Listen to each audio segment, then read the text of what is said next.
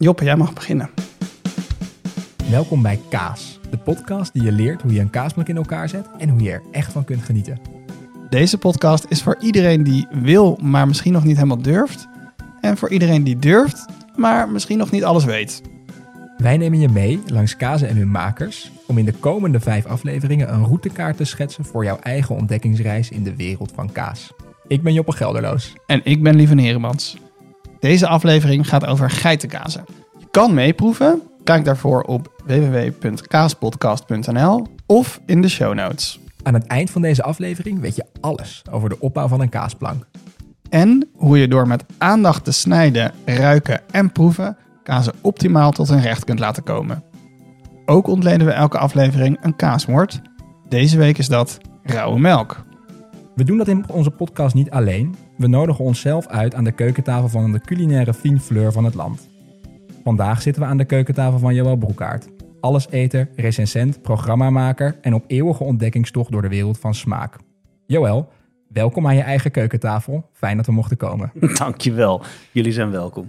Joël, als we jouw koelkast uh, open zouden trekken, welke kaas zouden we dan uh, het meest waarschijnlijk tegenkomen? Ik hou van die kazen die dan, als je even de andere kant op kijkt, dat ze stiekem twee centimeter opgeschoven zijn. Weet je wel, dat, dat, dat, dat rijp. Dat, ik ben ook wel van de zachte. Ik, ik begin het harde wel te leren. Ik begin dat wel nu zo. Ik, heb, ik denk dat er zelfs nog een heel klein stukje Beaufort achterin ligt, als je goed gaat kijken. Maar um, ik weet niet, ik vind dat, dat die combinatie van dat romige, smeuige, lopende zachte met die ongelofelijke klap in je gezicht en die, die het is net als met een, een, een goede rode wijn die een beetje zo in de verte naar een geitenstal kan ruiken. Dat is dan lekker. En dat heb ik met, met, met, met kaas ook. Ja, ik weet het niet. Het is ook het verschil tussen of je dan de koelkast opentrekt en denkt, Jezus Christus. En op het moment dat je het in je mond hebt en op een gegeven moment daar dan, dan verandert die gewaarwording ook zo enorm. En dan is dezelfde heftige geur opeens iets ontzettend lekkers geworden. En dat...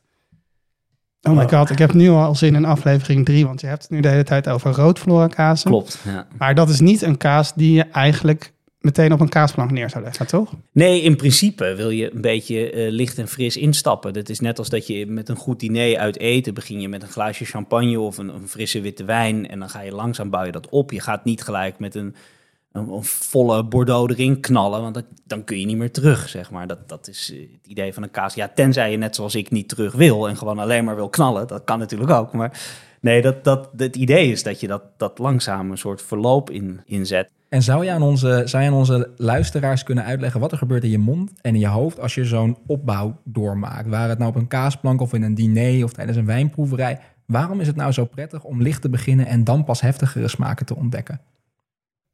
Omdat je door de heftigheid van de. Ik, dit is, ja, ik moet het even juist formuleren. Want het is niet zo dat een heftige smaak per definitie een botte, uh, um, uh, ongedefinieerde uh, smaak is. Daar kan ook heel veel raffinement en finesse in zitten. Alleen door die heftigheid raak je soms wel de subtiliteit van de wat frissere, lichtere smaken soms een beetje kwijt. Die kunnen ondergesneeuwd worden daardoor. Dus als jij met iets heftigs begint, dan ben je daarna, omdat je al eh, ingestapt bent op dat niveau, heb je minder aandacht of minder ruimte om de finesses en de subtiliteit van de, van de lichtere uh, smaken uh, in zijn volledigheid te ervaren. Ja, dus we gaan opbouwen. Ja. Het blijft ook zoeken. En een heel groot deel hiervan is, ook, uh, is natuurlijk ook persoonlijk. En wat ik zelf een hele fijne metafoor van vind, is die van muziek. Het gaat dan bij het opbouwen van zo'n, van, zo'n, van zo'n verloop aan smaken niet alleen over hoe hard je die plaat hebt staan, maar ook over wat voor dingen je hoort. En wat mensen daarin prettig vinden op een avond is voor iedereen, is voor iedereen, ja, uh, is voor iedereen anders. Maar op het moment dat je begint met de volumeknop volle bak open, dan kun je daarna niet meer uh, nog rustig kunst der Vugel opzetten. Ja, ik, is, wat ik, ik zit nu, terwijl je dit aan het zeggen bent, zit ik heel erg te denken aan um, wat in de klassieke Italiaanse keuken, een pesce crudo, wat ze heel vaak, wij denken bij sashimi altijd aan de Japanners, maar in Italië eet je ook rauwe gesneden vis met een heel klein beetje olijfolie of zo en een klein beetje citroen, vooral aan het begin van de maaltijd.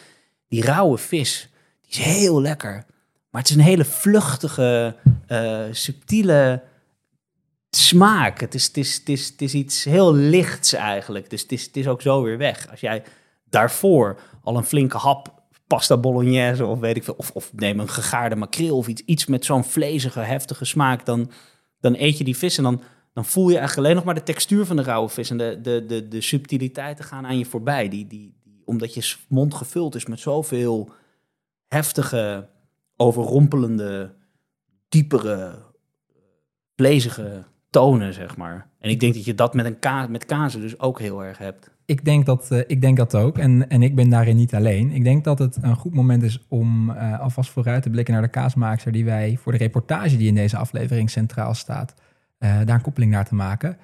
Want de manier waarop zij kaas maakt, is er eigenlijk één waarop juist subtiliteit en juist een enorme verscheidenheid aan elkaar complementerende smaken tot zijn recht kan komen. zij doet dat heel erg met haar kudde en met haar grond. En heel erg expliciet niet daartegen in. En wij zijn op reportage geweest, want wij willen natuurlijk ook weten waar die smaak vandaan komt.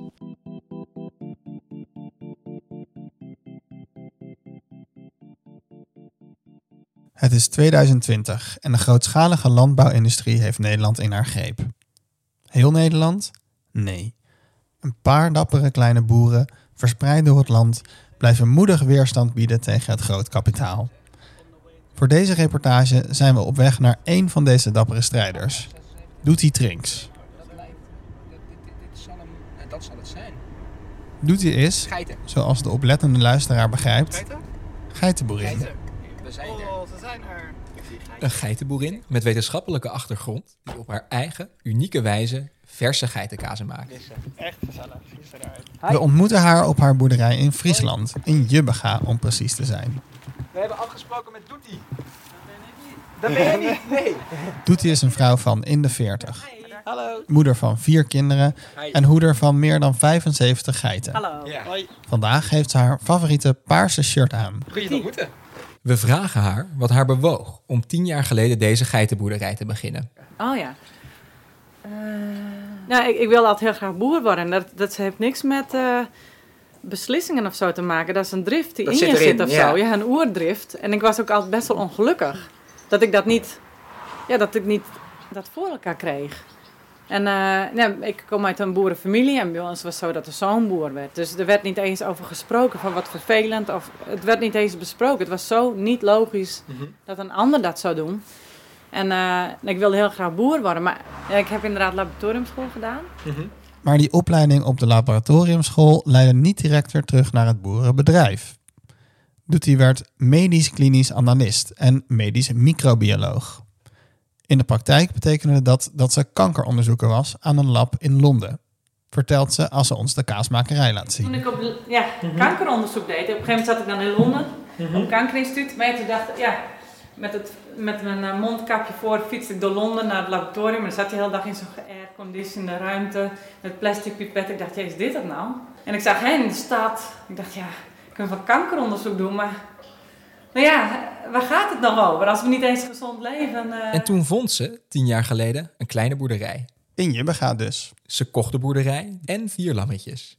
En die lammetjes, die worden geitjes. En die geitjes, die geven melk. En ja, als boer is het helemaal niet leuk om de melk naar een fabriek te brengen, vind Ja. ik eigenlijk. Want ja, dat is eigenlijk... Ja, die melk is het goud. Of Mhm. hoe moet ik dat zeggen? Ik bedoel, dat is gewoon een heel mooi product. Mhm. En, eh, ja, en als je dan het aan een fabriek zou leveren, dan moet je echt heel veel geiten gaan melken. Ja, En ja, dat Ja. wil ik helemaal niet. ja, om het economisch rendabel te Ja, maken. ja, ja, ja. En eh, ja, juist dat met die melk werken, ja, dat zag ik wel als een eh, ja, mooi, mooi iets. Om Mhm. een mooi kaasje te ontwikkelen. En ik zag bij mijn ouders heel erg, ja, in mijn beleving, de achteruitgang van de landbouw al Mhm. heel erg. Dus eigenlijk de ouders van mijn ouders deden een hele andere vorm van landbouw dan Mhm. mijn ouders. Dus we hadden al een grote stal en de koeien werden onthoornd en ze kwamen eigenlijk al niet meer buiten. En er werd gras met grote trekkers ja, voor de koeien in eh, zo'n voerpad uitgereden. Dus eh, ja, en, en ik zag toen al dat die schaalvergroting zo enorm eh, Mhm. aanwezig was. Ja. Maar wat, wat zijn we daar kwijtgeraakt? Dat is de vraag. En wat we zijn kwijtgeraakt in de schaalvergroting en industrialisering van de melkveehouderij, dat probeert ze hier met haar geiten terug te vinden.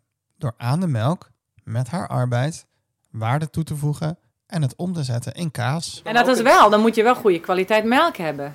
En ik geloof erin dat het melk is, maar daar zijn ook wel mm, ja, onderzoeken die dat beweren. Dat je zeg maar als je dieren dus ja, hè, niet onder druk zet, buiten laat lopen in weiden en niet het hoogste van ze verlangt. Dus mijn geiten geven gemiddeld nu een dikke liter. Nou, dat is echt niet veel. Een gewone boer zou echt zeggen, uh, kappen ermee. Mhm. Maar ik denk juist, die ene liter is gewoon hartstikke goede melk. Die zit vol met leven, vol met micro-organismen. En ja, sowieso vind ik hoor, dat die melk heel lekker is van zichzelf. En dat is gewoon belangrijk. Dat is kwaliteit van melk. Die is dus, en daar kan je zulke mooie kazen mee maken. En uiteindelijk heeft het, gaat het nog verder, want het gaat erover... Het begint eigenlijk al bij de bodem. Ah, de bodem. En de geiten natuurlijk. Eh, maar vinden jullie het trouwens ook nog leuk om in het weiland te starten? Ja, Jullie zeker. hier, Ja, ja, want dat ja, kunnen we ook ja. even doen. Ja, zeker, ja. Dan lopen wij Ja. met, zitten- mogen jullie schoenen vies worden? Ja, joh. ja. Ja? Ik- Dan kunnen we wel even door de stal lopen. Extra leuk. Dan moet je wel op je, pas, oppassen op je stekkers. En je schoenen, zodat we vast ook even ik had gaan eh, natuurlijk laarzen moeten aandoen. Ja. Ik, heb, ik heb gewoon laarzen. Hallo geiten. Oh, deze is echt lief en klein. En wat voor geiten zijn dit? Ja, toch een burgergeiten. En die zijn, ik begreep, een Oostenrijks, Nee, Zwitsers. Zwitsers Ja. ras. Ja, ze zijn in de vorige eeuw in Nederland geïmporteerd wegens de armoede in Drenthe. Mhm. En omdat ze gewoon best wel sober kunnen leven. Ja, En eh, nou ja, het- je ziet ook wel, het is een beetje een dubbeldoel. Hè? Als we wat ouder worden, dan zit er ook wel vlees ja aan. precies. Ja. Het zijn hele sterke geiten. Sorry, een dubbeldoel? Nou, oh, wat een dubbeldoel is. Er is zowel vlees als melk. Dat klinkt heel sneu hoor, sorry geiten. maar eh, Maar het valt me echt op hoe kalm en hoe, hoe- ja, gewoon heel relaxed zijn deze geiten. Dat is echt, eh, dat verbaast me echt. Ja, dat dat is ook wel denk ik dit ras wat. Maar Ja. goed, ze, hier komen natuurlijk wel veel mensen. Mhm. En Wouter, is mijn zoon van negen, die is ook, zit ook altijd tussen die geiten. Ze zijn Ja, echt van ah, ja, mensen precies. gewend Ja. hè? Ja. Ben je dan onderdeel van de groep? Eigenlijk wel ja. Ja. Wat mooi. Had je dat verwacht van tevoren? Dat dat zou gaan gebeuren? Nee, ik had als kind ook deze geiten. Ah, maar die werden dan wel onthoornd Ja. helaas. Maar, Ja. Dus ik wist wel dat je met die dieren een hele sterke band kan eh, Ja. opbouwen. En ik denk ook, nee, dat is ook wel een beetje wat we kwijt zijn geraakt hè, met dieren. Sowieso ook, nou, ja, je hebt natuurlijk individuen, maar eigenlijk zit je, als je in zo'n kudde zit, kom je ook in een soort energie of zo. Zo voelt het voor Mhm. Ja. mij. Ja, misschien vind je dat vaag klinken, Nou, maar Ik, eh, ik, ik sta nu voor het eerst in deze kudde, maar ik merk het wel. Dat is die kanten waar ik het over Ja, had. ja. En dat is heel, eh, apart hè? heel bijzonder. Ja, ja. Bijna, dat bijna meditatief eigenlijk. Ja. Ja. En dat vind ik ook eigenlijk, dat, wat dat betreft valt er ook nog heel veel te halen. Dat we dat soort dingen ook weer wat meer waarde gaan geven. Dat dieren ook dat soort dingen Ja. hebben, Ja. eigenlijk. Oh shit, Ja. Zie. Oh, ja. Ja, dus ik had ook een niet goed meer. De geit heeft flink lopen knabbelen aan Doetie's paarse shirt. Er zitten allemaal gaten in. Ja. alle En geiten ze- heel snel naar binnen. zo. En het gaat regenen. Alle geiten gaan in galop terug naar de stal. We lopen anders wel even mee. Dan blijven we Ja. een beetje op afstand als het gaat regenen. De geitenkaas die Doetie maakt van haar kudde geiten, maakt ze op een zo natuurlijk mogelijke wijze. En dat doet ze met een methode die volgens de Europese wetgeving helemaal niet mag. Of wel? En het stom is, Nou, want ik heb nu wel de Europese hygiënecode. Hè? Ja. Nou ja, wat, wat actie is in Nederland mag je eigenlijk niet in houten... Ja, we zitten hier wel in de vliegen. Ik vind het niet zo ramp, maar ik weet niet of jullie er last van hebben. Oké. Maar eh, nou ja, in Nederland mag je eigenlijk niet met houten vaten werken. Mocht je niet met eigen zuursel werken. Ook niet met eigen stremsel. Maar ja, ik wil zo wel werken. Want ik wil niet een kaasmakerij met allemaal epoxycoating en RVS. En, want ik denk alles wat je hier inbouwt, komt ten eerste ergens vandaan. Weet je wel, het is ergens in een fabriek gemaakt. Dat is ook weer ergens in een fabriek gemaakt. Ik wil zo weinig mogelijk, ja, troep in een ruimte, zeg maar. En ik vind troep dan ja, dingen die ergens geproduceerd zijn en ook weer ergens op een afvalbult terechtkomen. Dus ik wil eigenlijk zo natuurlijk mogelijk werken in hout. En als dat hout niet meer goed is, kan dat nog eens in de kachel. Of rieten mandjes of zo. Ik zou steeds meer natuurlijk toe willen. En ook met het idee dat eh, als je in een houten vat werkt, daar gaan de melkzuurbacteriën in die wand zitten. En eigenlijk is dat alweer een natuurlijke bescherming van je proces, van je kaas. En het verzuurt weer. Ja. Maar dat mocht allemaal niet. En ik heb er gewoon eh, ja, best wel een jaar lang sowieso, ja, eigenlijk is dat veel langer al gaande, maar een jaar lang echt concreet ook werk aan gaat om dat helemaal wetenschappelijk te onderbouwen. Waarom, wat ik doe, dat het veilig is. Ja. Dus het heeft dan inderdaad met die pH te maken, maar ook heel erg met welke micro-organismen wat doen. Nee, en dat heb ik dan in februari zijn ze geweest. En dat heb ik dus voorgelegd. En ik had natuurlijk al eerder stukken opgestuurd. Want ik dacht, als ze hier komen en ze moeten het dan allemaal nog lezen. Ja, dat wordt een drama natuurlijk. Maar, eh, nou ja, en ik dacht, ik sta volgens mij sterk. Dat voelde ik wel. En eh, nou, ik heb nu de tijdelijke eh, erkenning gekregen. Wat goed. En ze komen nu voor de hercontrole. Ja. En dan, Dus is de kans nu dus, wel groot denk ik, dat ik het echt ja, op deze manier nu mag kaas maken. Maar dit gebeurt dus gewoon in Nederland niet. Ja. Maar ook in België niet, en in Frankrijk niet, en in Ja. Duitsland niet. Dit betekent gewoon een hele omslag. Je zou dan eigenlijk de eerste zijn waarbij dit officieel ook mag. Ja, ja. Ja. Dus alle keuzes die doet hij als geitenhoeder, kaasmaker en met haar achtergrond als wetenschapper maakt, zijn van invloed op de smaak van de kaas. Met de goedkeuring van de EU maakt ze een uniek product.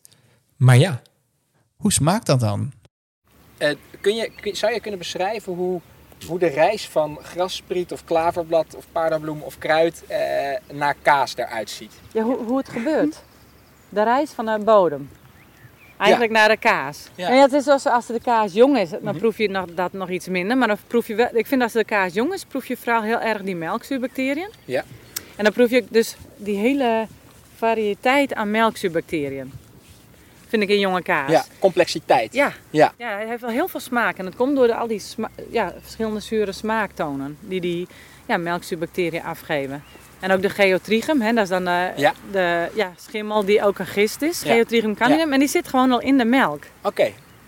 En eh, nou, die proef je dan ook al wat. Hè. Die, die geeft wat een gistige, champagneachtige smaak Ja. af als hij groeit. En in het begin Ja. groeit hij heel snel. En op een gegeven moment dan zijn de, de melksuiker wordt door de melkzuurbacteriën omgezet in melkzuur. Mhm.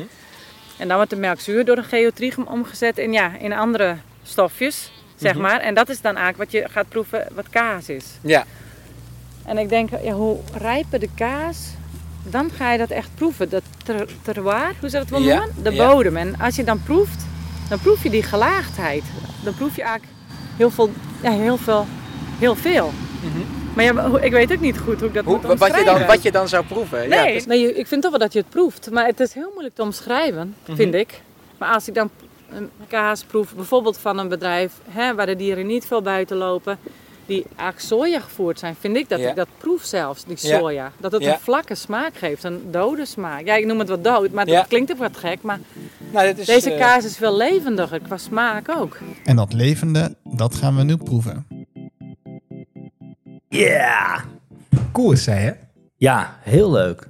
Klinkt als een hele, hele interessante vrouw. Ja, en wat, wat ik zo graag verder vind, praten eh, wat ik zo gaaf vind is inderdaad die, die combinatie tussen dat intuïtieve, maar wel hele, hele strikt en rigide wetenschappelijke achtergrond. Waar, Ja, heel gedegen. Precies, op basis waarvan zij dus eigenlijk tegen het helemaal dichtgetimmerde zuivelwezen Maar- aanschopt. Ze maakt het eigenlijk door de mazen van de wet heen. Leuk. En nu, en nu komt er dus erkenning. En wat ik dus ook heel, daar komen we straks, want we hebben eh, voor de luisteraars voor ons liggen twee kazen gemaakt door Doetie. Hm. En twee kazen, eh, omdat eh, kaas heeft natuurlijk, eh, zoals de Gaulle ooit zei, een, eh, een behoorlijk Franse achtergrond. Eh, ook twee Franse kazen. Wat, wat zij ook zegt is, het is ook anders dan kaas maken in Frankrijk. En, eh, en, en, en zij is eigenlijk het, eh, het klassieke kaasmaken aan het heruitvinden in de 21ste eeuw. Gaaf. We gaan het proeven. Yes. Ja. En dat doen we in een volgorde. Joppe, wat ligt hier op de plank? En kan je ook misschien voor de luisteraars omschrijven hoe het eruit ziet? Voor ons op de plank ligt een piramide, afgeknot en wel. Hij is eh, ongeveer 6 centimeter hoog.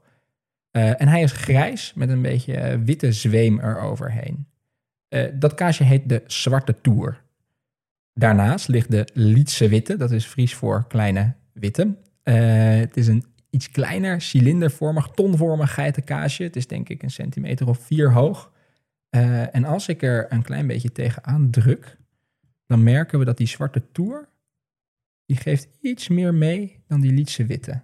Die is ietsje zachter. We kunnen dat waarschijnlijk niet horen, maar wij kunnen dat zien. Eh, verder ligt er een Chabichou de Poitou.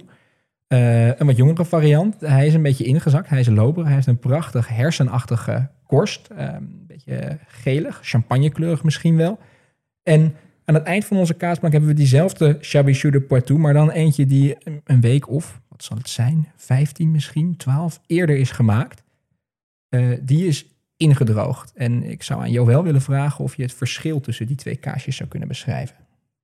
Ehm, de, de jonge variant is, zoals je zegt, echt zo heel bleek. Soort mooie pastel-vlaatoon zit eraan qua kleur. Ehm, met eh, in de groeven, wat je hersenachtig noemt, dat zijn die, die windingen een beetje. Het, zit wat, het is wat rimpelig qua korst. Er, hij ziet er eh, een beetje, beetje eh, knuffelig uit, zeg maar. Een beetje squishy, alsof je hem even zo, zo kan, als, een, als een pluche beest, kan vastpakken en even kan knuffelen. En die andere daarin, daarentegen ziet eruit als echt, ja, gewoon rigide, hard. Hij is veel donkerder, hij is, in, hij is helemaal ingedroogd. Eh, we hebben nog steeds ook wel die witte, witte eh, eh, uitslag zo hier en daar.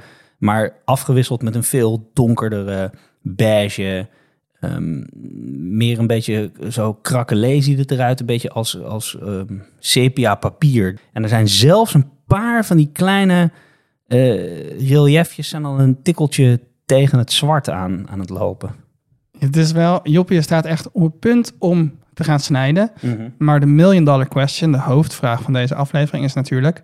met welke moeten we beginnen? Eh, we gaan beginnen met de Zwarte Tour. Dat is de jongste van de verschillende geitenkazen. De kaas waarvan doet hij ook, toen we daar waren, zei dat je daar het meest, zoals zij sprak, de, eh, de, de melkzuurbacterie, Mhm. die verzuring proeft. In de latere kazen die iets ouder zijn, daar komen al meer schimmelsmaken en, en, en de wat aardsere smaken eh, naar voren. Let's go. We moeten het zo nog wel even over de crackers hebben. Eh, de eerste kaas, de Zwarte Tour. Gewoon in je mond stoppen, toch? Of moeten we nog ergens op letten? Nou, wat ik, wat, ik, wat ik zie, wat jullie doen, wat ik ook ehm, op, op een bepaald moment geleerd heb en nu heel belangrijk altijd vind, is ehm, altijd van het midden naar buiten snijden. Ik heb ooit een plaatje gezien, een prachtige poster, waar er alle vormen kaas die er zijn bestaan in een soort dia- diagram staan uit hoe, hoe je die moet aansnijden om te zorgen dat je altijd in je één stuk altijd zowel het midden als de buitenkant hebt, omdat je een hele smaakverloop van die kaas, want in het midden is er iets anders aan de hand dan aan de, de korst waar die schimmels zitten, dus een andere smaakontwikkeling. En om de volledige spectrum van die kaas mee te krijgen, moet je dus altijd van het midden naar buiten. En dat, dat valt op dat je dat eh, heel mooi doet.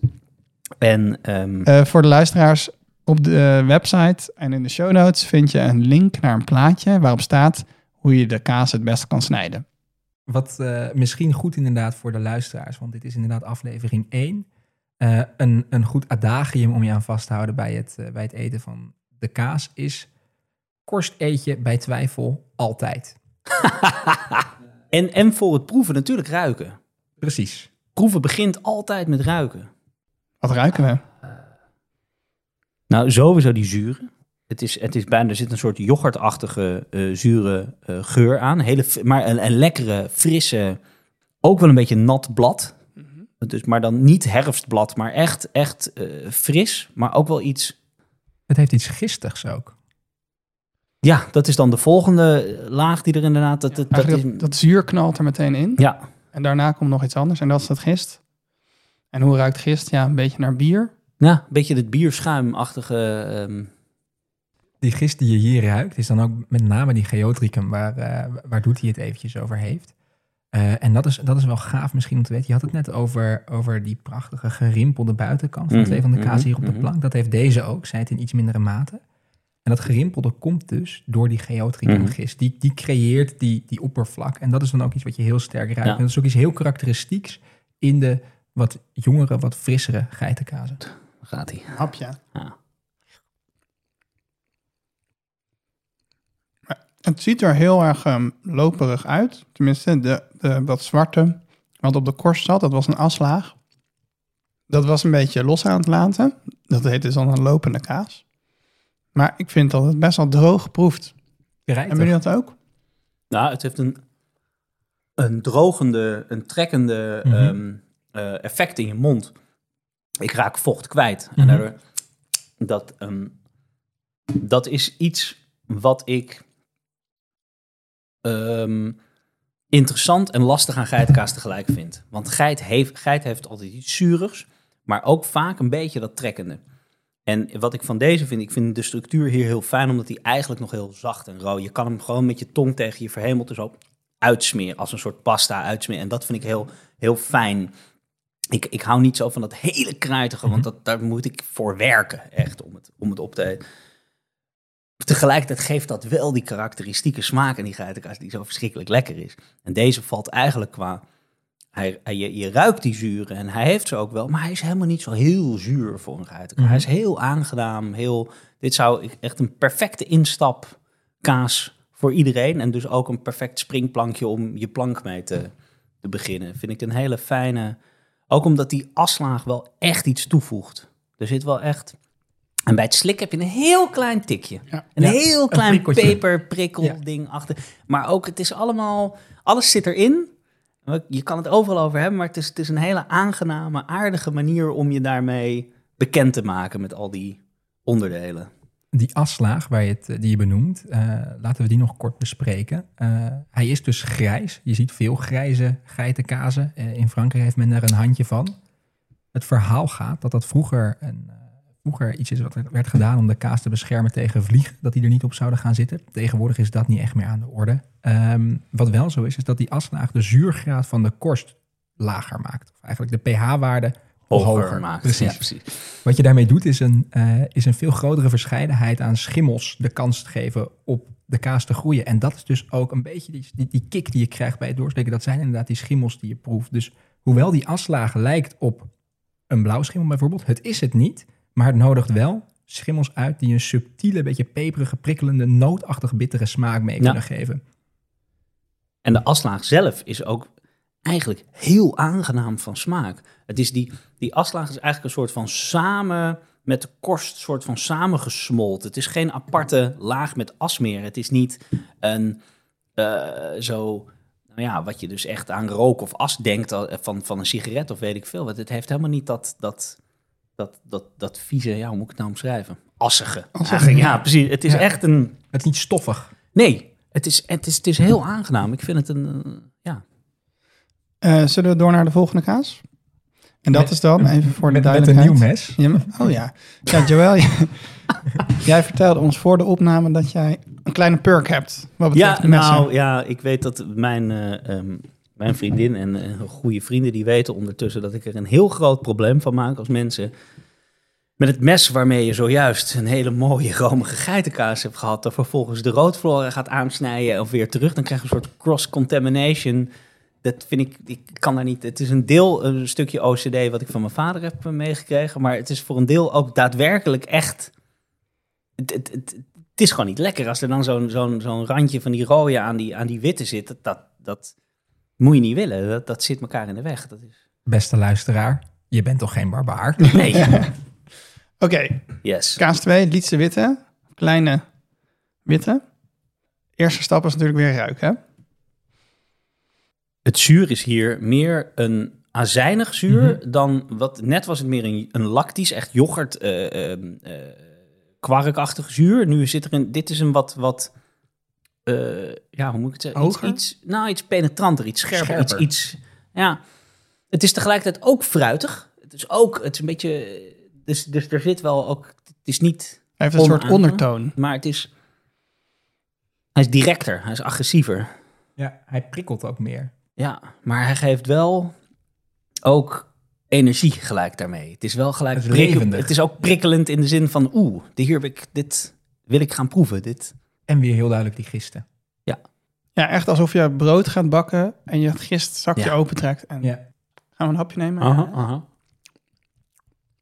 Ik denk dat heel veel misofonen echt deze podcast niet kunnen luisteren.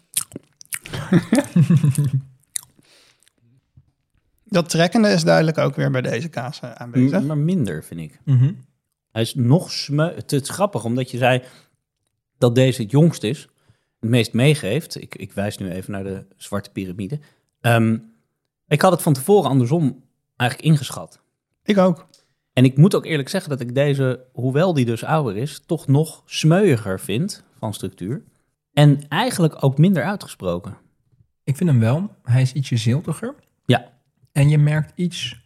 Ik vind hem, hoewel ze allebei ehm, heel duidelijk meer, dat zure, meer die verzuring hebben... vind ik deze ook ietsjes boersiger. Op de achtergrond hoor je iets mekkeren. Hij is wat rustieker. Ja, Wat- precies. wat, eh, ja. Maar ik vind hem wel... Hij doet me ook een beetje aan wat Belgen noemen platte kaas. Van die, Mhm. van die, van die witte, hele jonge, witte... Kwark. Bijna kwark, ja precies, Mhm. ja. En dat vind ik heel lekker. Maar vooral omdat ik de structuur van deze kaas enorm fijn Mhm. vind. Eh, ik, als die afslaag hier omheen had gezeten, had het helemaal... eh, Mhm. hij is ook iets bouncier. Ja. Of hij is iets meer... ehm, ja, ja wat, wat compacter. Deze is bijna luchtig, de eerste kaas die we hebben geproefd. En deze is ietsjes massiever al. Ja. En eh, Best of Both Worlds die maakt ook nog een andere kaas die eigenlijk iets meer de vorm heeft van de Lietse Witte, maar met een afslaag eromheen. Die heet Grutte Grieze. Dus die zou je ook nog kunnen proberen. Ah, gaaf. En het grappige is dus inderdaad dat compacter niet per definitie betekent dat het harder of droger is. Want deze is, veel, deze is heel sappig en smeuig. Ja, hoewel ik wel denk dat het vochtgehalte hier lager is. Dus ik denk dat hij, eh, hij, hij is vettiger, denk ik. Ah. Denk het ook. Voor, de luisteraars, wij maken, we hebben nu twee kazen geproefd en, en eh, veel nuances mogen herkennen, kunnen herkennen. Eh, sommige mensen houden ervan om boterhammetjes te smeren van, eh, van de kazen die je eet. Ik ben daar zelf soms een groot voorstander van. De je Franse, honger hebt. Als je honger hebt bijvoorbeeld. Maar, maar brood en crackers, zoals ook deze crackers, die eet je tussen kazen door om je palet te reinigen. Mooi geluid, hè? Ja, het is wel chill geweest. Ja, ja en dat bonus tip is namelijk dat als je eh, ja, het- neutraliseert als het ware je tong, alle smaken die erop zitten, het wordt een beetje opgenomen en weggeslikt door dat crackertje. Eh, en je raakt niet zo snel vol als je niet de hele tijd een kaas op een toastje doet. Als je echt nog veel moet eten, dan is dat de tip. Cream crackers. Table water crackers. Dit zijn de Table water water. crackers. In principe maakt, vind ik het niet heel erg uitmaken wat voor soort cracker je op de plank legt. Als het maar geen melba toast is. Mhm. Die trekken echt al het vocht. Ja, precies. Dat is echt En gordhoog. scherp ook. Leuk feitje over deze crackers. We eten de Cars Table Water crackers. Toen er een tijdje geleden overstromingen waren in Engeland, eh, zaten, eh, zat menig kaas liever met de handen in het haar, omdat de ovens waar deze, kazen in, eh, waar deze crackers in worden gebakken ook overstroomd waren. En ze dus een paar maanden niet leverbaar waren. Ik wilde wel, ik, ik heb die, jullie verkopen in de zaak waar jullie elkaar van kennen en waar jullie werkten ook een ander merk cracker. En daar staat op de verpakking bijna te lekker voor een cracker. En ik ben ooit een keertje zo hard stuk gegaan in de winkel toen ik dat las, dat iedereen me echt aan heeft gaan kijken. Wat is er mis deze met guy? deze gast? Dat is zo grappig. Ja, dat zijn knappertjes. De, Ja. Die zijn eh, hofleverancier. eh, de cars zijn, ja, zij zijn ook hofleverancier, toch? Koninklijk allemaal. Ja, dit, dit komt uit, dus uit Engeland. Laten we, Knappertjes het, komen uit Nederland. laten we het nu weer toch over de entourage van de kaasplank eh, hebben. Excuseer ik mij even, want dan loop ik naar de Aha. koelkast. Ja, drinken. Wat drinken we hierbij? Even, wat denk jij, Joël? Ehm, ja, dat.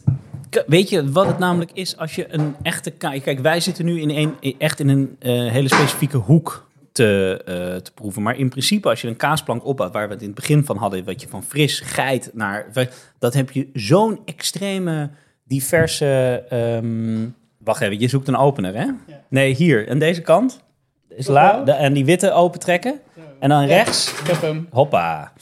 Nee, wat je dus hebt, als je een kaasplank gewoon opbouwt met ehm, geit, wit, rood, hard, blauw of hard, rood, blauw, dan ehm, heb je zo'n verscheidenheid aan smaken dat het heel moeilijk is om te zeggen, daar moet je één soort drank bij drinken. Maar je kan heel goed witte wijn, wat voor mij betreft dan vaak een wat, wat vollere. Misschien zelfs een tikje tegen het zoete aan, maar ik hou niet van zoete witte wijn. Dus ik weet dat er ook vaak zoete witte wijn geschonken wordt bij kaas.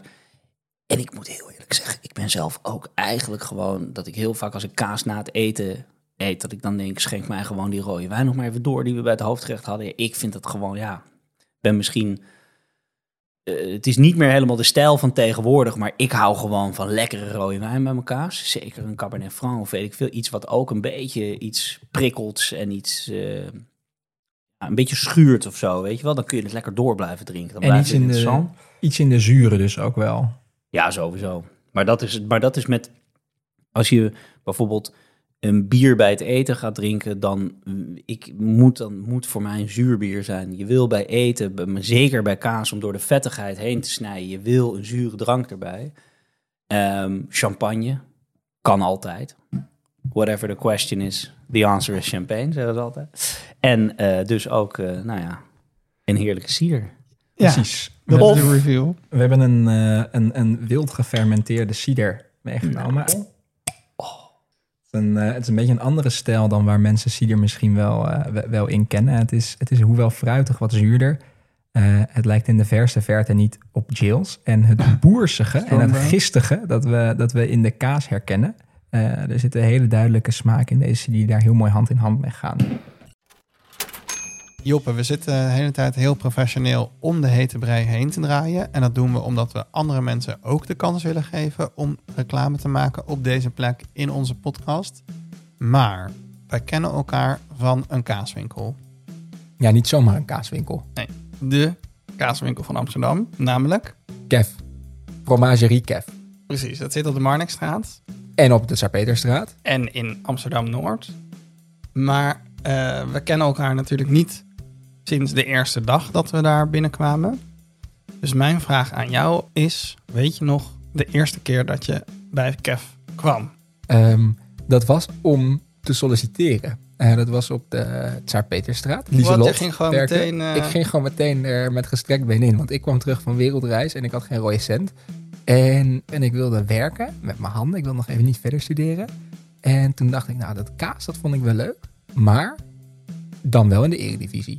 En toen hoorde ik van Kev. En toen dacht ik, oh, dat is vet. Eh, leuke kaaswinkel in de buurt. Hoe oud was je toen?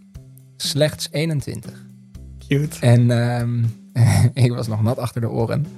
En toen eh, was ik daar. Toen was Lieselot er. En die zei, eigenlijk moet je naar de, naar de Marnixstraat. Dus ik, de Marnixstraat? Eh, want ik was op de Tsaar-Peterstraat. Eh, ja, ja, daar is de, de Marnixstraat. Dat is eigenlijk ons moederschip. En toen ik het woord moederschip hoorde, was ik verkocht. toen dacht ik, kaaswinkel met een moeder. Hier, hier moet ik zijn. Ehm, wat is de website ook alweer? www.abrahamkev.nl En daar kan je ook die lekkere cider halen die we nu gaan drinken. Maar jij zei ook nog of? Nou, of wat ik dus ook zelf lekker vind, is poirier. Oh ja. Het is echt Ja. gewoon en dan ja, perensieder eigenlijk. Dat, eh, Het heeft een hele mooie oranje kleur en er zitten wat eh, korreltjes in. Daar moet je niet bang voor zijn, dat hoort erbij. Een beetje in het adagium bij twijfel korst eten. Bij twijfel, hoe troebeler je drankje, hoe lekkerder het is. hij is wel droog. Hij Ja. is echt droog. Lekker. Heel expliciet stallig. Stallig, wat is dat?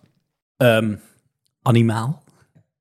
Nee, ik heb eh, mijn, mijn zeer gewaardeerde collega Harold Hamersma, die heeft ooit een keer een rode wijn beschreven als artis op een warme dag.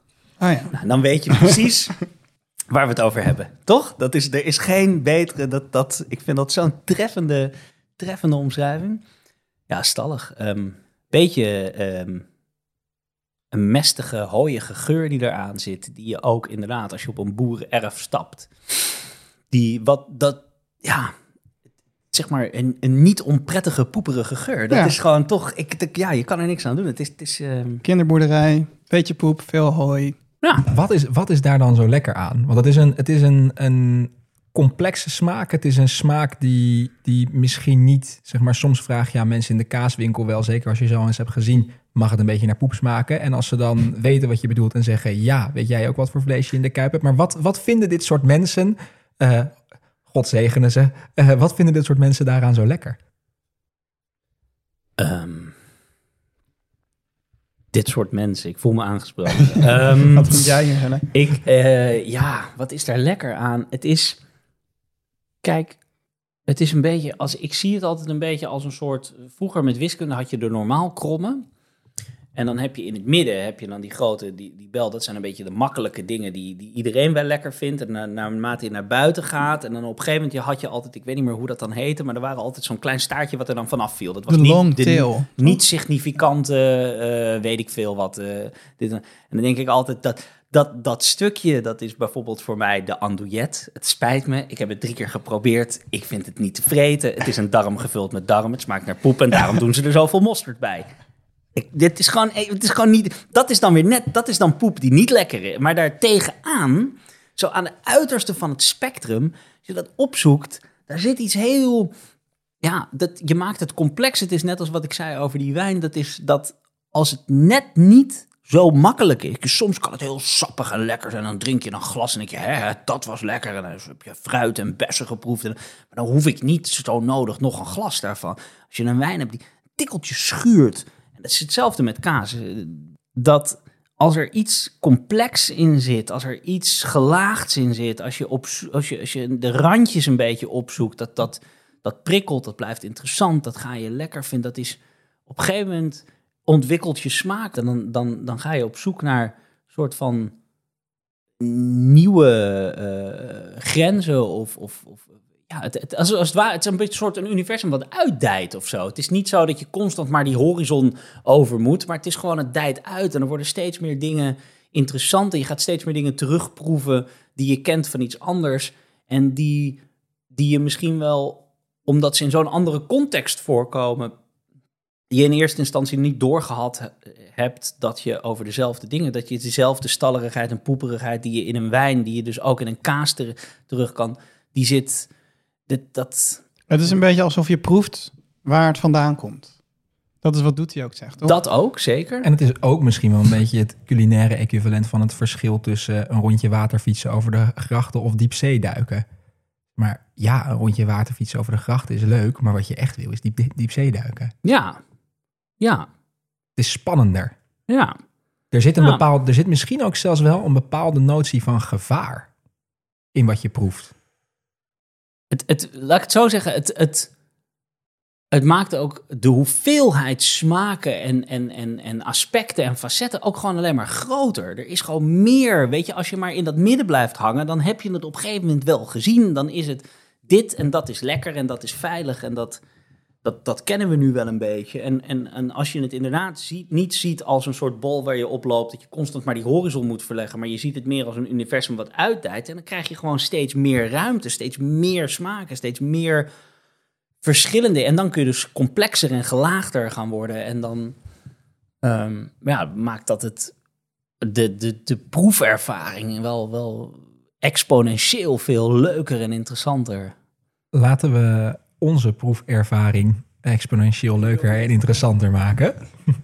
Uh, door het aansnijden van een, uh, van een kaas die. Een klassieke kaas. Een kaas, nummer drie. Met een appellation d'origine protégé. We spreken over de Chabichou, voluit Chabichou de Poitou. Hij zakt prachtig in terwijl ik hem aansnijd. Dus dit is die met die mooie vlaagkleur, hè? Die we net beschreven hebben. Uh, en dit is, uh, Joppe, hier was een heel goed verhaal bij. Ja, leuk verhaal hierover is, uh, men, men, weet hoe, Frans, hoe Franse mensen prat gaan op hun culinaire geschiedenis, heden. Deze valt zo uit elkaar dat we toch wel een cracker nodig hebben, denk ik. Ja, dus dat is je enige excuus om een cracker te gebruiken, zoals hij Precies. Als, niet meer in je hand past. Als je een soort van laadbodem nodig hebt. Of een vlotje. De Franse uh, culinaire cultuur is natuurlijk wereldberoemd. En uh, wat misschien wel grappig is, is dat, dat uh, Fransen zijn daarin een beetje nationalistisch. je hebt wel eens mensen in de winkel en die zeggen... Een beetje. Ik weet, ik weet waar ik het over heb. Ik ben Frans. de grap is dat, dat veel van die klassiek Franse dingen, zoals ook dit soort geitenkaas, een oorsprong hebben die buiten de landsgrenzen van de grote zeshoek liggen. Dit is een geitenkaas de geschiedenis van het houden van geiten in, in, in Frankrijk is, uh, is lang en is, is luisterrijk. Maar heel belangrijk fenomeen daarin is de aanwezigheid van Noord-Afrikaanse en Arabische volkeren in, uh, in Europa. En dan niet alleen het Iberisch Schiereiland, waar veel mensen over weten, maar ook in Frankrijk. Dat hield een keer op. Die zijn, uh, die zijn door de eerste van de Carolingische vorsten eruit geschopt bij de slag, na de slag bij Poitiers. Maar veel van de, uh, veel van de Arabische, veel van het Arabische voetvolk settelde zich in Frankrijk met hun geiten en met ook hun manier van kaas maken. En de naam van dit kaasje, Chabichou de Poitou, is eigenlijk een, een woordspeling of een, of een, een, een doorevalueren van het oorspronkelijke Arabische woord voor geit, chablis. Uh, dus die klassieke Franse uh, connotatie, die dus met een appellation d'origine protégé is bezegeld, heeft eigenlijk Noord-Afrikaanse roots. Geeft Leuk. wat meer perspectief op de geschiedenis. Wat ruiken we? Ja, ik ruik toch de cracker er doorheen ook. Ja, honingig wordt het dan, hè? Ja. Maar hij is, hij is, ik bedoel, het ruikt nog steeds aan geitenkaas, maar en, en dus associeer je dat ook met, omdat je weet dat je iets zures gaat proeven, sorteert mijn hoofd daarop voor. Maar de zure geur zit hier eigenlijk veel minder aan. Dit heeft wel dat, dat stallige element waar we het net over hadden. Zeker. En ook weer um, natte bladeren, maar dan wel wat herfstiger. weer wat, wat meer, zeg maar, als je een frisse wandeling door een bos maakt, waar het een beetje vochtige... Bruine bladeren. Zo'n dag met van dat gelige zonlicht. Het is net zo, dat, dat gele gezonlicht zoals de, de vanille yoghurtkleur van de korst van de kaas. Prachtig. Mogen we dan nu een hapje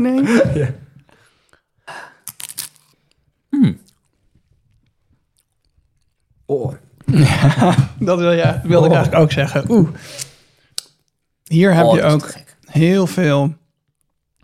Ja, die complexiteit is heel veel lagen. Het komt op je tong en dan ineens gaat er een hele nieuwe wereld open bijna. Oh, maar dit is echt... Ik vind dit een... Ik vind dit... Deze is bijna geen geit meer, eigenlijk. Tenminste, het is een geitenkaas, maar ik wil al dat karakteristieke wat je altijd van... Oeh, dit is een geitenkaas. Dat, dat is hier heel mooi toegedekt en heel mooi...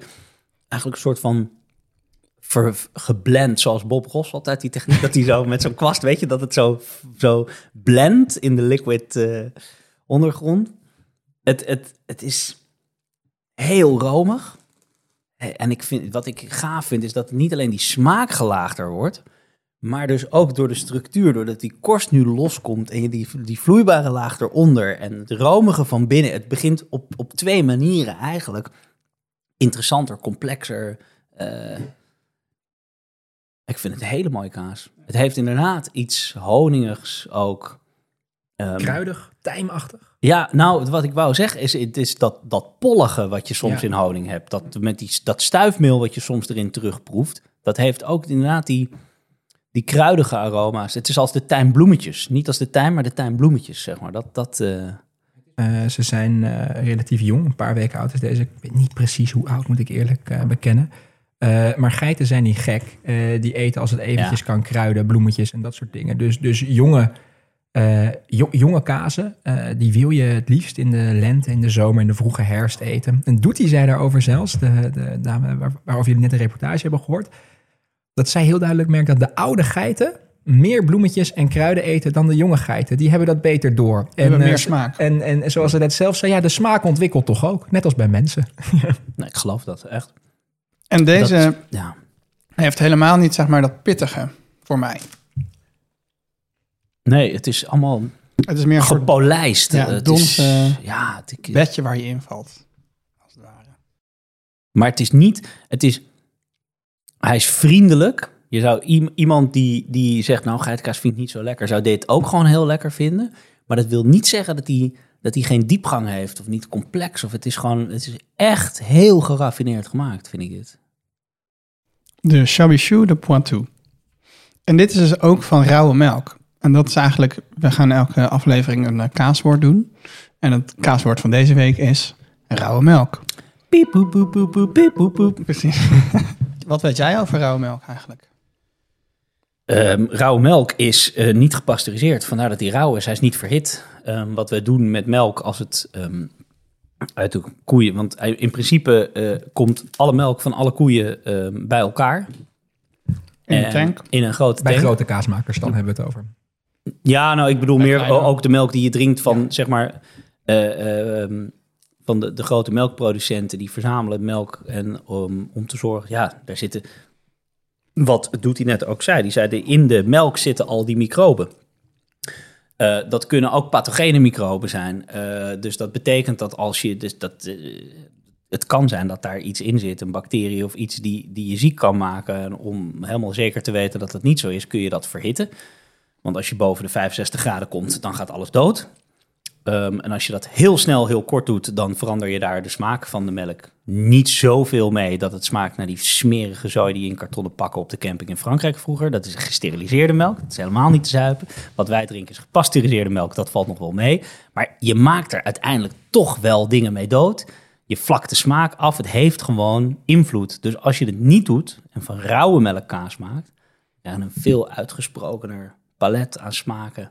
En dat hebben we net eigenlijk gewoon geproefd. En wat, wat daarbij goed is om te weten, is dat eh, kaas maken, zoals een wijsman ooit sprak, eh, een wijsman die jullie in aflevering 5 gaan horen, als het goed is, eh, is in de eerste plaats altijd verzuring. En misschien hebben jullie wel eens de termen zuursel en stremsel gehoord. Eh stremsel, dat is enzym dat bij de melk gaat om het, de harde stof van het vocht te doen scheiden. En zuursel gebeurt in principe altijd eerst. En het is inderdaad het zuursel waar het nu om gaat. De, de grote verscheidenheid aan, aan bacteriën die in de melk zitten, die doen de melk verzuren. Op het moment dat je de melk pasteuriseert, er dan kaas van maakt, zoals bij eigenlijk bijna alle grootschalig geproduceerde kazen, zeker in Nederland het geval is. Dan in plaats van dat je dus die enorme verscheidenheid aan bacteriën die verzuring op gang brengen hebt, heb je er maar één. En dat is dus ook eigenlijk wat je verliest aan smaak. En dat is, wat doet hij? Heeft echt meer dan 40 soorten in haar melk zitten. En dat verbaasde me ook toen wij daar waren, dat het dus eigenlijk bijna helemaal vanzelf gebeurt. Zij is een soort van coach van de melk, die alleen maar zegt van groei maar jongens, groei maar jongens. En dan, ja, waar lijkt het op? Je bent een soort yoghurt aan het maken de hele tijd. Dus gewoon het natte van het droge als het ware scheiden. En dan op een gegeven moment, als je lang genoeg wacht en vaak genoeg keert, dan krijg je dit soort supermooie kaasjes. En het kan er nog steeds alle kanten op. Dus waar je de kaas bewaart, maakt heel veel uit voor wat voor schimmels erop gaan groeien. Uh, wat voor grondsoort bijvoorbeeld. Zij wil bijvoorbeeld een blauwe schimmel maken en daar geen blauw, blauw schimmel aan toevoegen. En ze zeggen, ja, dat is, uh, dat is hier op dit soort grond gewoon heel, veel, heel moeilijk. Als je dat op kalkgrond doet, dan gaat het vanzelf. Ja. Uh, en ze zei ook van, ja, als je, als je gewoon lang genoeg wacht, geduld hebt en een beetje hygiënisch werkt, dan, dan wordt het altijd wel iets. en om dan even op Bob Ross terug te komen. In cheesemaking there are no mistakes, just happy little accidents. Chill. Oh, Zullen we door Um, naar, de, naar de... Ja. Of had jij nog een hele mooie Nee, nou, wat ik dus net zat te denken is dat natuurlijk, kijk, de reden dat wij die melk pasteuriseren is natuurlijk om te zorgen dat het niet bederft, of niet zo snel. Maar dat is dat, dat zuren van nature natuurlijk eigenlijk ook. Door die melkzuurbacterie die produceert zuur. En omdat die omgeving steeds zuurder wordt, vinden andere bacteriën en gisten, die vinden dat allemaal niet zo prettig om daarin te leven. En daarmee, dus door, door het te zuren, kun je dus heel erg sturen welke bacteriën en gisten er wel op die kaas komen. Het is een manier van melk houdbaar maken, eigenlijk. Door te zorgen dat die, eh, dat die omgeving zuurt en dus de gewone bederfbacteriën daar dus niet, zich niet prettig bij voelen, kun je dus die melk langer houden in de vorm van kaas. Ja, en schimmels en bacteriën, mensen zijn er natuurlijk heel erg bang voor de hele tijd. Maar je moet je realiseren dat de schimmels en de bacteriën, die- zitten meestal ook gewoon op onze huid. Ja. En het is een natuurlijk proces. Ja. Je kan het gewoon eten. Die blauwe schimmel waar iedereen heel bang voor is soms, die zweeft gewoon door de lucht. Dat eet je op. Of je ademt het in. Dus je kan het net zo goed ook opeten. Dus wees vooral niet bang. Dat is ook vaak bij de korst zo. Eh, we gaan nu door naar de, de vierde kaas. Dat is eigenlijk de laatste kaas van vandaag. En dat is dus de Chabichou de Poitou die zo ingedroogd was. Hè? Die bijna schuurpapier-like eruit zag. Eh, de omvang van de kaas is ook heel anders. Het is echt bijna, nou misschien wel een derde geslonken. Eh, en wat je overhoudt is eigenlijk ja, meer een droog kaasje. Het is niet heel erg vergelijkbaar met de Nederlandse goudse kazen. Ehm, maar de smaak, of moeten we eerst ruiken? Moeten eerst ruiken. Nou, ik zou eerst nog even vertellen dat het... Je hebt bijna een soort halve maan van vettige, gelige... Dat ziet er bijna uit inderdaad als een gewone gele Goudse oudere kaas. kaas. Ja. En dan in, in het midden heb je een soort cirkeltje... wat nog een soort lichte... nog doet denken aan wat het ooit geweest is. Maar de structuur is volledig... dat krijtige, kruimelige is volledig vanaf. Het is één grote, egale... ehm, ja, bijna waksige, ehm, compacte, harde structuur geworden. En wat En- hebben we gedaan? We hebben het alleen nog maar gewoon langer in de koelkast bewaard. Uit, de, uit de verpakking, zodat het vocht ook kan ontsnappen. Ja, want dat is eigenlijk wat je wil. Eh, en een beetje blijven keren, zodat hij mooi... Ja, wordt eigenlijk gewoon bruin. Eh, en al het vocht vertrekt dus en daardoor krijg je die andere structuur. Maar ook wel... Ja, er zit ook een bijna karamelachtige extra, Ja, een beetje popcorn. Ehm, ook wel iets van gedroogde zomerbloemen. Zo'n soort, soort, soort, het is niet potpourri, het is geen, geen rozen, maar het is meer dat, dat oranjige. Ik vind dit ook eigenlijk hoe het ruikt in een kaaswinkel soms. Ja, het heeft iets, iets harsigs ook, ru- Ja. ruik je. Maar als je het dan proeft... Ja, ik vind persoonlijk dat, dat die te, te ver is. Hij is geïmplodeerd. De, de rijkheid eh, van... Ze zitten er nog wel in. Ik proef ze nog wel. Te, ik, ik heb dat, die, die pollen, dat stuifmeel, die honing, die... Het, gaat nu, dat, het, het wordt nu, dat tijmige wordt sterker ook nu, dat ik het proef. Maar het lijkt wel alsof het een klein beetje ehm, muted is. Beetje, een klein beetje, zeg maar, ehm, tegengehouden wordt, eh, geremd, getraineerd of zo. Wat, die, wat deze nog in, in totale jong kinderlijk enthousiasme had, waar hij gewoon ongeremd door enige...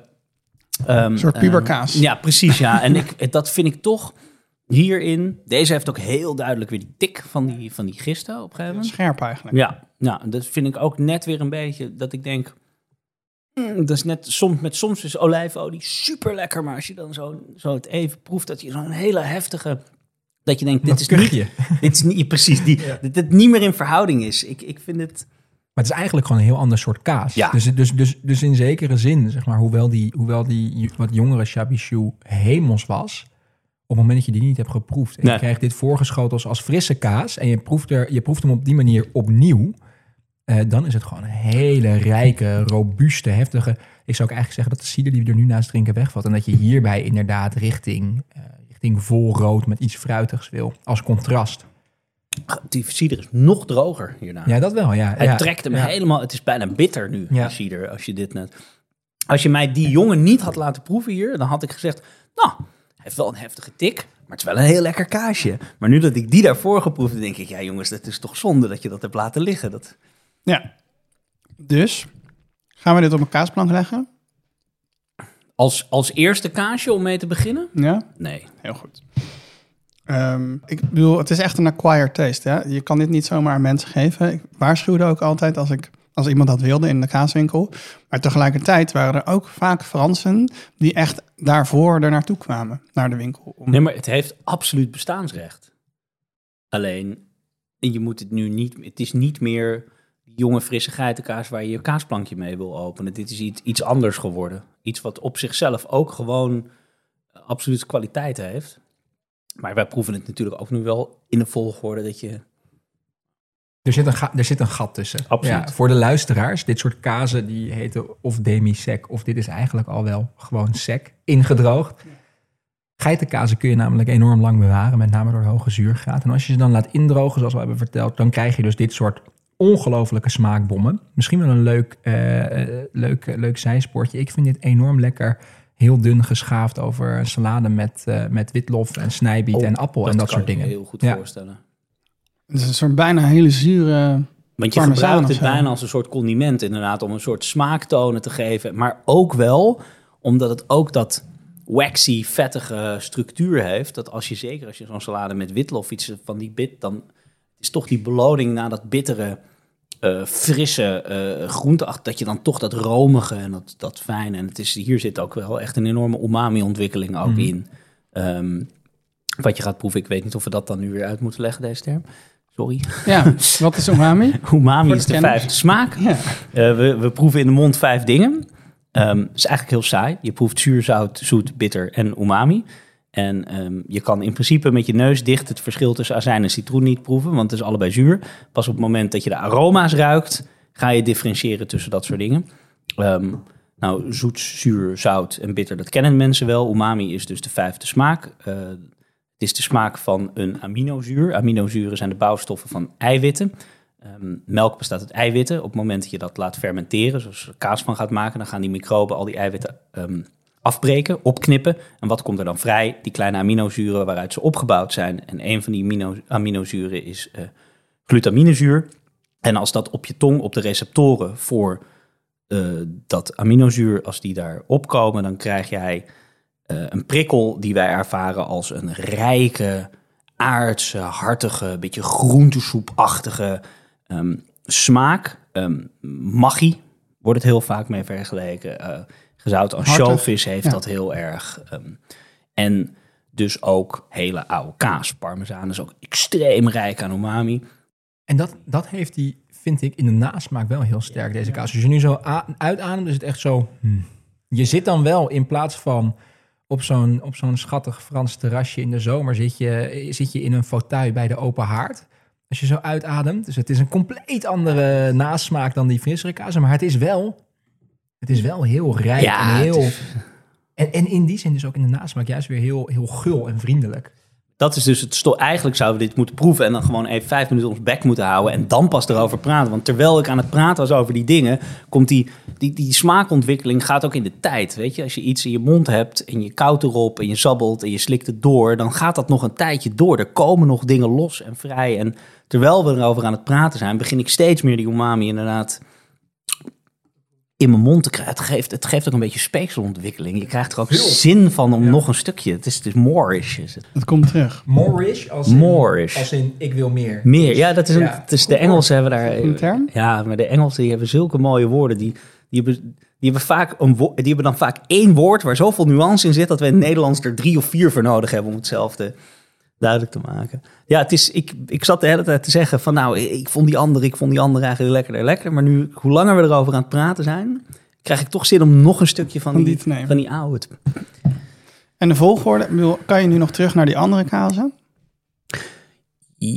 Ja, maar dan vooral, dan zou ik eigenlijk, als ik heel eerlijk ben, als ik nu die eerste kaas zou proeven, zou het voor mij in eerste instantie de werking hebben die het crackertje heeft. Om weer even de paletten verversen, even op scherp te zetten, even weer wat fris, even weer wat, zodat je weer klaar. En dan Terug naar zou, start. dan zou ik dan daarna weer opnieuw die eerste kaas, dan kan ik die weer. Maar de- als ik nu een plakje daarvan neem, is het eerst om, om alles te resetten.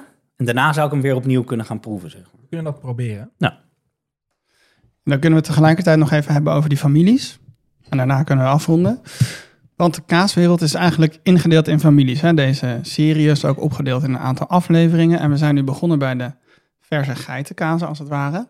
Mm, En die Maar- families, die zijn problematisch. Ik, Ja. ik neem het woord even over, omdat eh Lieve van mij een stukje geitenkaas overnam. Eh, die families zijn problematisch, want eh, er wordt wel eens gesproken over vijf families, ook wel eens over zeven families. Maar eigenlijk zul je zien dat ehm, heel veel kazen heel lastig in zo'n familie te plaatsen zijn. Om ze door te lopen, en dat is dan ook de lijn die wij in onze podcast aanhouden, onze podcastserie aanhouden. Geit en schaap, en daar ga je al. Geen op, schaap de, op, de, op, op de kaasplank eh, is dat etappe 1 en zijn het die wat frissere smaken, die rijke smaken. Ehm, dan heb je de witschimmelkazen, brie, eh, dat soort be- bekende, de, de kaas waar men aan denkt als men aan Frankrijk denkt.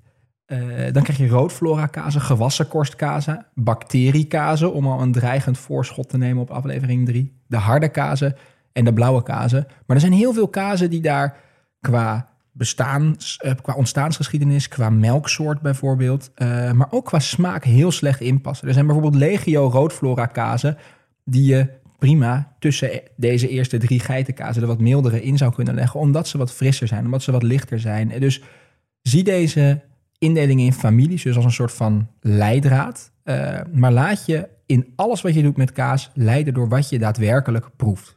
Dat is de les van vandaag. Amen. Zijn we nog iets vergeten? Nou, misschien nog wel goed om te zeggen, eh, en dat is wel mooi om. eh, het, het is al even aan bod gekomen in de reportage. En eh, hier gaan we ongetwijfeld. Ja, ga je ja, gang. helemaal- go ahead, ja. Joël neemt ondertussen nog een stukje. Is dat om, om. Wat we net hebben geproefd, is vaak dus een soort van hele grote rijkheid. En de smaken die we herkennen, die zitten in het spectrum van zurige smaken en gistige smaken. Dat zijn dus allemaal dingen die al van nature aanwezig zijn in de melk. In dus de rauwe melk. Niet om te zeggen dat gepasteuriseerde kaas per definitie vies is. Wel om te zeggen dat rauwe melk absoluut niet per definitie eng is. Zeker niet. Rauwmelkse kaas, daarin is altijd een proces van verzuring gebeurd. Een proces van verzuring waarin een hele grote verscheidenheid aan bacteriën een rol heeft gespeeld. Die juist de groei van schadelijke bacteriën nagenoeg onmogelijk heeft gemaakt. En als een kaasboer verder hygiënisch werkt, is de kans dat daar schadelijke stoffen in zitten eigenlijk nihil. Dat is dus ook waarom wij zo ontzettend blij zijn dat, eh dat Doetie nu eh, de kans heeft om een Europese certificering te krijgen voor de soorten kaas die zij maakt omdat daarmee eigenlijk een deur wordt geopend die heel lang dicht is geweest in de Nederlandse, maar ook de Europese culinaire traditie. Namelijk het proces van kaas maken op een hele vrije manier aangaan. En echt vertrouwen op dat de melk die uit jouw gezonde dieren komt, goed is. En dat je dus niet dat in allerlei ja, processen van pasteuriseren, koelen, eh, schimmels toevoegen hoeft te gieten om te zorgen dat het wordt zoals jij wil. Maar dat je erop kan vertrouwen dat de kaas, zoals die dan uiteindelijk is geworden, goed en lekker is.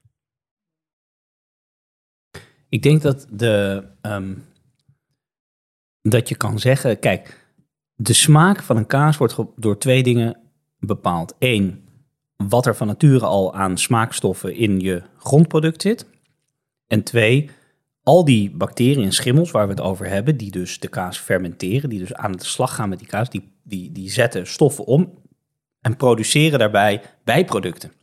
En die bijproducten zijn heel vaak ook smaakstoffen, die bijvoorbeeld een fruitig karakter kunnen geven, of juist een meer een notig karakter, of uh, de dingen die de honingtonen waar we het net over hadden.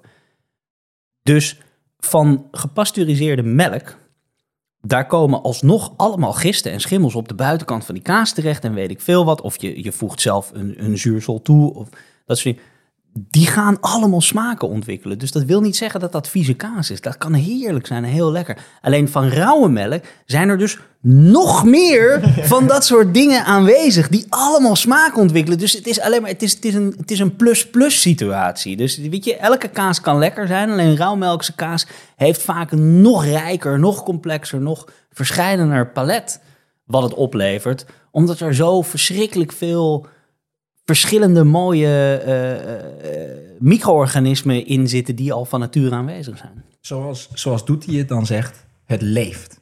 En dat proef je. Joël, we gaan afronden. Ik wil je heel hartelijk danken. We hebben echt nog heel veel om over te praten. Maar goed, podcast kan uh, oneindig doorgaan in principe. Dank dat we bij jou aan tafel mochten aanschuiven. Zeer welkom. Doet bedanken dat we bij haar op bezoek mochten. En ik wil ook Roos Polman bedanken voor het maken van de tune. En vond je de podcast nou leuk, of misschien zelfs wat waard? Overweeg dan eens een donatie te doen of de podcast te delen met je vrienden. De volgende aflevering gaan we praten over witschimmels. Je weet wel, Brie en zo. Tot de volgende aflevering. Tune! Dit was hem. Hey! nice. Top jongens, leuk. Cool.